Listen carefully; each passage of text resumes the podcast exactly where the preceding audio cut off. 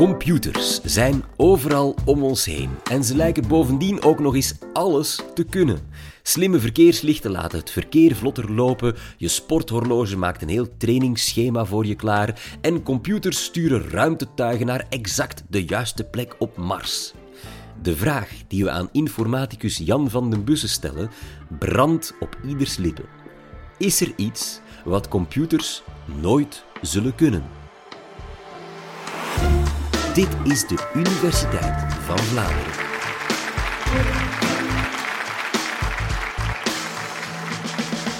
Ik trap natuurlijk een open deur in als ik zeg dat de computer in onze maatschappij overal is. We gebruiken computers om allerlei berekeningen te maken. Ze berekenen zelfs onze belastingen. We gebruiken computers evengoed om te spelen. We gebruiken computergames. De computer gaat voor onze informatie zorgen, gaat onze informatie opslaan, gaat ons helpen om de informatie terug op te zoeken op het internet bijvoorbeeld. De computer zit ook in allerhande apparaten. De computer zit in onze auto. En dan denk je misschien aan de GPS, maar de computer zit ook veel dieper dan dat en bestuurt heel het motorsysteem. Onze tv is eigenlijk een computer. Onze smartphone, onze smartwatch. En dan hebben we het nog zelfs nog niet gehad over de opkomst van de artificiële intelligentie.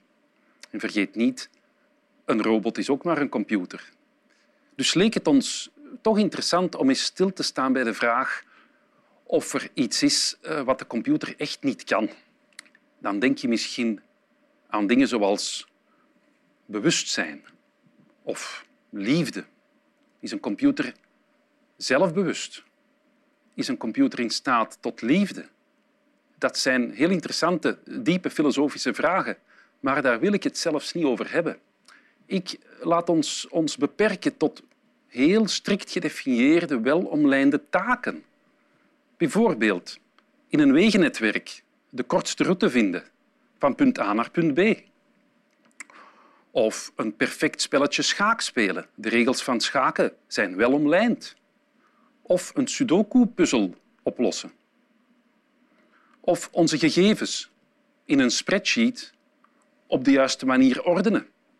Dat zijn allemaal welomlijnde taken die de computer perfect kan oplossen. En als we ons beperken tot zulke strikt gedefinieerde taken, is het helemaal niet vanzelfsprekend dat er zulke taken zouden bestaan die niet door de computer kunnen uitgevoerd worden. Nochtans zijn ze er wel degelijk. In de informatica zijn deze taken bekend als de zogenaamde onbeslisbare problemen.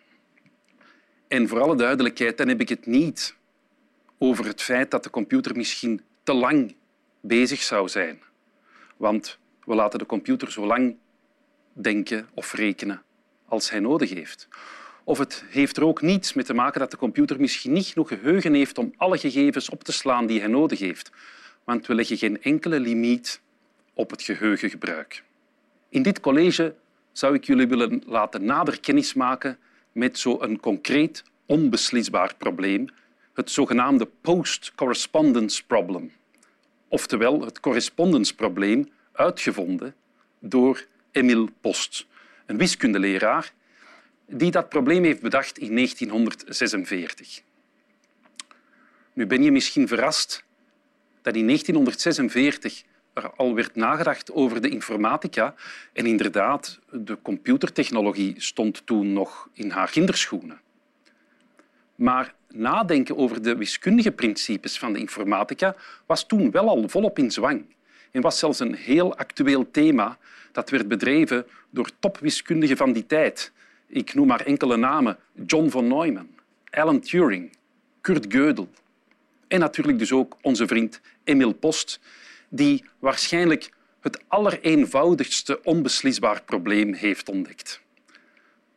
Wat is dat probleem nu? Wel, het is eigenlijk in de vorm van een logische puzzel.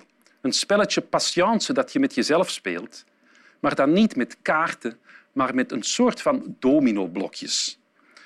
De dominoblokjes zijn echter speciaal omdat elk blokje bestaat uit twee losse helften, een bovenste helft en een onderste helft. En op elke helft staat een rijtje enen en nullen geschreven. En er zijn een, aantal, een vast aantal types blokjes. We zien hier een voorbeeldje met drie types blokjes. De blauwe, de gele en de rode. En je ziet bijvoorbeeld hier op de blauwe blokjes staat er op de bovenste helft 10111 en op de onderste helft 10. De gele blokjes hebben bovenaan een eentje en onderaan drie eentjes. De rode blokjes hebben bovenaan 1 en onderaan een 0. Wat is nu eigenlijk het doel van dit spel?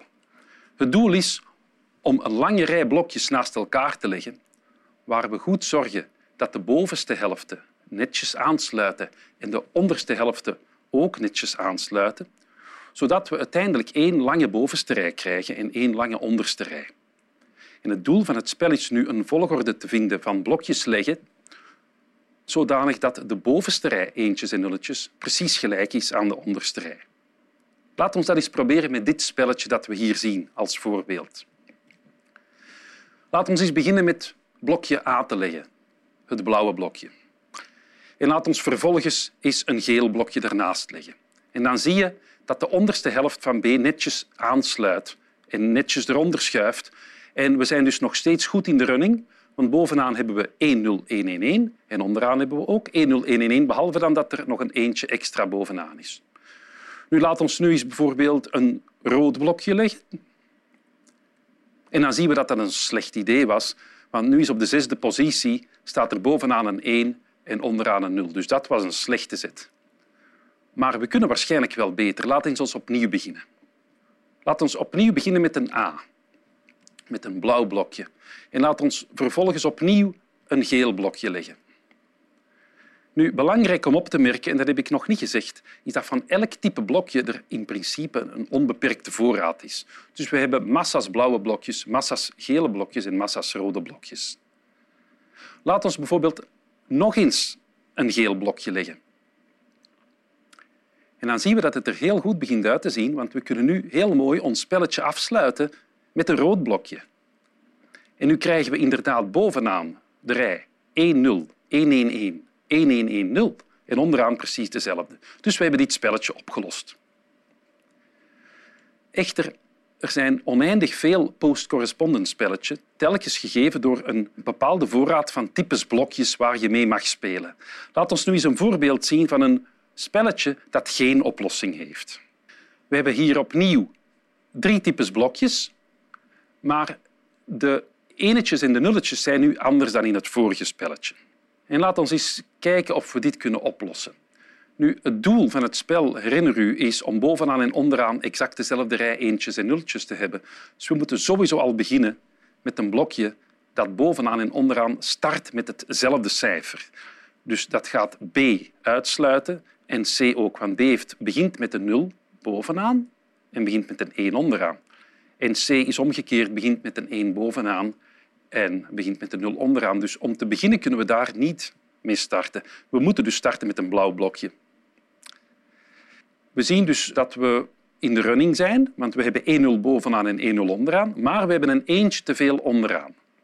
Dat kunnen we dus opvangen door een blokje te leggen dat bovenaan start met een 1, want dan wordt dat eentje onderaan opgevangen. Nu, welke blokjes starten er met een 1? De blauwe en de rode.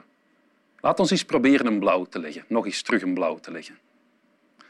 Wel, we zien dat dat niet werkt, want dan de 0 die volgt op die 1, die is dan uh, verschillend aan uh, de 1 die daaronder staat.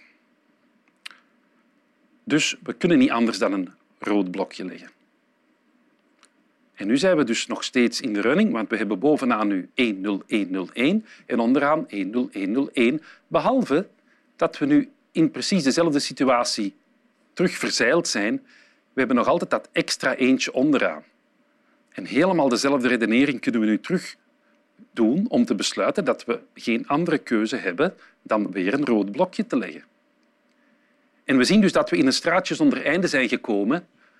We kunnen enkel maar rode blokjes leggen, maar we gaan nooit de twee helften boven en onder gelijk krijgen, want er gaat altijd één eentje te veel zijn. Dus we kunnen nu eigenlijk besluiten dat dit een hopeloze zaak is en dat dit spelletje geen oplossing heeft. Nu kan ik eindelijk komen tot de taak die we eigenlijk aan de computer zouden willen geven.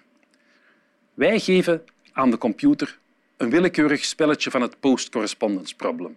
Dus dat spelletje kunnen we heel mooi beschrijven door gewoon te zeggen wat de beschikbare dominoblokjes zijn. Dus we zeggen gewoon voor elk type blokje wat er bovenste helft geschreven staat en wat er op de onderste helft geschreven staat.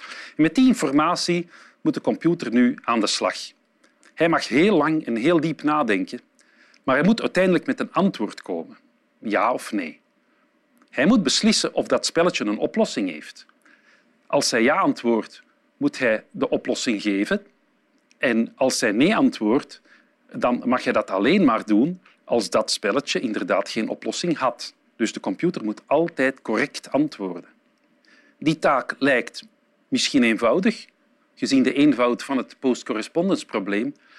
Echter, die taak is onmogelijk voor een computer, want dat is een, het post-correspondence-probleem is een onbeslisbaar probleem. Misschien toch wel verrassend. Nu, is dat eigenlijk belangrijk? Uh, als dit puzzeltje het enige was wat computers niet konden, dan was dat inderdaad waarschijnlijk niet zo belangrijk. Maar de reden dat ik dit puzzeltje gebruik in mijn college is omdat dit het eenvoudigste probleem is dat je precies kan definiëren dat onbeslisbaar is. Er zijn echter in de praktijk en in de informatica tal van andere problemen die heel belangrijk zijn en die evengoed onbeslisbaar zijn. Ik zal drie voorbeelden geven. Het eerste voorbeeld is nakijken of er een fout zit in een computerprogramma. Nu, dat probleem is niet echt strikt gedefinieerd, want ik heb jullie niet echt uitgelegd wat een computerprogramma net is en wat we dan eigenlijk bedoelen met een fout.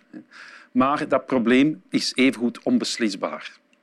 Het zou leuk geweest zijn als computers zelf konden checken of het programma dat ze moesten uitvoeren, of dat daar geen fouten in stonden, maar dat is dus niet mogelijk in het algemeen. Een ander beroemd onbeslisbaar probleem is een ideaal uh, dat wiskundigen en filosofen hadden in het begin van de 20e eeuw. Dat was het ideaal van de perfecte wiskundige. Een computer die onder alle omstandigheden waterdicht en correct wiskundig kan redeneren. Dat is dus ook een onbeslisbaar probleem. Sommige berekeningen, sommige complexe berekeningen, altijd correct uitvoeren, is ook onbeslisbaar. Een mooi voorbeeldje is om het weer correct te voorspellen vanuit de gegevens van luchtdruk en temperatuur overal op de wereld. Om dat perfect te doen is onmogelijk, want het is een onbeslisbaar probleem. Dus als ik zou kunnen samenvatten, zou ik kunnen zeggen dat correct, waterdicht, logisch redeneren, dat dat een taak is die niet perfect kan geautomatiseerd worden. Dus nu we weten dat de computer het niet kan, is natuurlijk de volgende vraag, kunnen wij het? Maar dan mag je niet vergeten dat een computer uiteindelijk alleen maar een computerprogramma uitvoert. En dat programma is gemaakt door ons, is geschreven door de mens. Het ontwikkelen van computersoftware is een heel belangrijke tak in de industrie en is best wel een heel uitdagend en moeilijk beroep. En misschien heb je al wel eens opgevangen iets over de artificiële intelligentie, waar computers zichzelf gaan programmeren. Maar dan mag je niet vergeten dat het eerste programma, of het zogenaamde masterprogramma van die artificiële intelligente computers, nog altijd wel door ons moet gemaakt worden. En die onbeslisbaarheid heeft dus eigenlijk als gevolg dat we ook zeker kunnen zijn dat er ook nooit een of ander genie zal opstaan die bijvoorbeeld voor ons post-correspondence-probleem een waterdichte methode ontdekt om te beslissen voor elk willekeurig spel dat je hem voorschotelt of het een oplossing heeft of niet. Want als zo'n genie zou bestaan, dan zou hij zijn methode ook kunnen uitschrijven in een computerprogramma en dan zou de computer het ook kunnen. Met andere woorden, als de computer het niet kan, kunnen wij het eigenlijk ook niet. Nu, ik ben natuurlijk wel een van de eerste om al die negativiteit van wat er allemaal niet kan een beetje te relativeren, sterk te relativeren. Namelijk, als je toelaat dat er fouten gemaakt worden, bijvoorbeeld als je toelaat om opnieuw ons post-correspondence-probleem te nemen, als je toelaat dat de computer af en toe eens nee zegt, terwijl er eigenlijk wel een oplossing was, wel, dan is er veel mogelijk. Ten slotte, wij mensen maken allemaal fouten. En wij aanvaarden dat van elkaar. De vraag is echter, aanvaarden wij ook fouten van de computer? Zeker nu, uh, met de opkomst van de artificiële intelligentie, waar we de computer meer en meer taken laten uitvoeren die eigenlijk meer menselijk kunnen bestempeld worden, is het een heel actuele discussie of en ook hoeveel fouten we eigenlijk gaan aanvaarden bij die computer. Ik denk dat het tijd is om af te ronden. En ik kan eigenlijk het fenomeen van onbeslisbaarheid best samenvatten door te zeggen dat dat fenomeen wijst op bepaalde limieten, op bepaalde grenzen van wat je kan automatiseren. Ik ben zelf een informaticus, maar ik ben zeker niet iemand die droomt van een wereld waar alles geautomatiseerd is. Om op een positieve noot te eindigen, zou ik kunnen zeggen, er zal altijd ruimte blijven voor creativiteit. Het lijkt erop dat de werelddominantie door robots nog niet voor morgen is. Laten we dat hopen, alleszins. Hoe computers precies leren denken, kwam Kenneth Seurensen ons trouwens al eens uitleggen. Ook zeker de moeite. Ik zie je daar.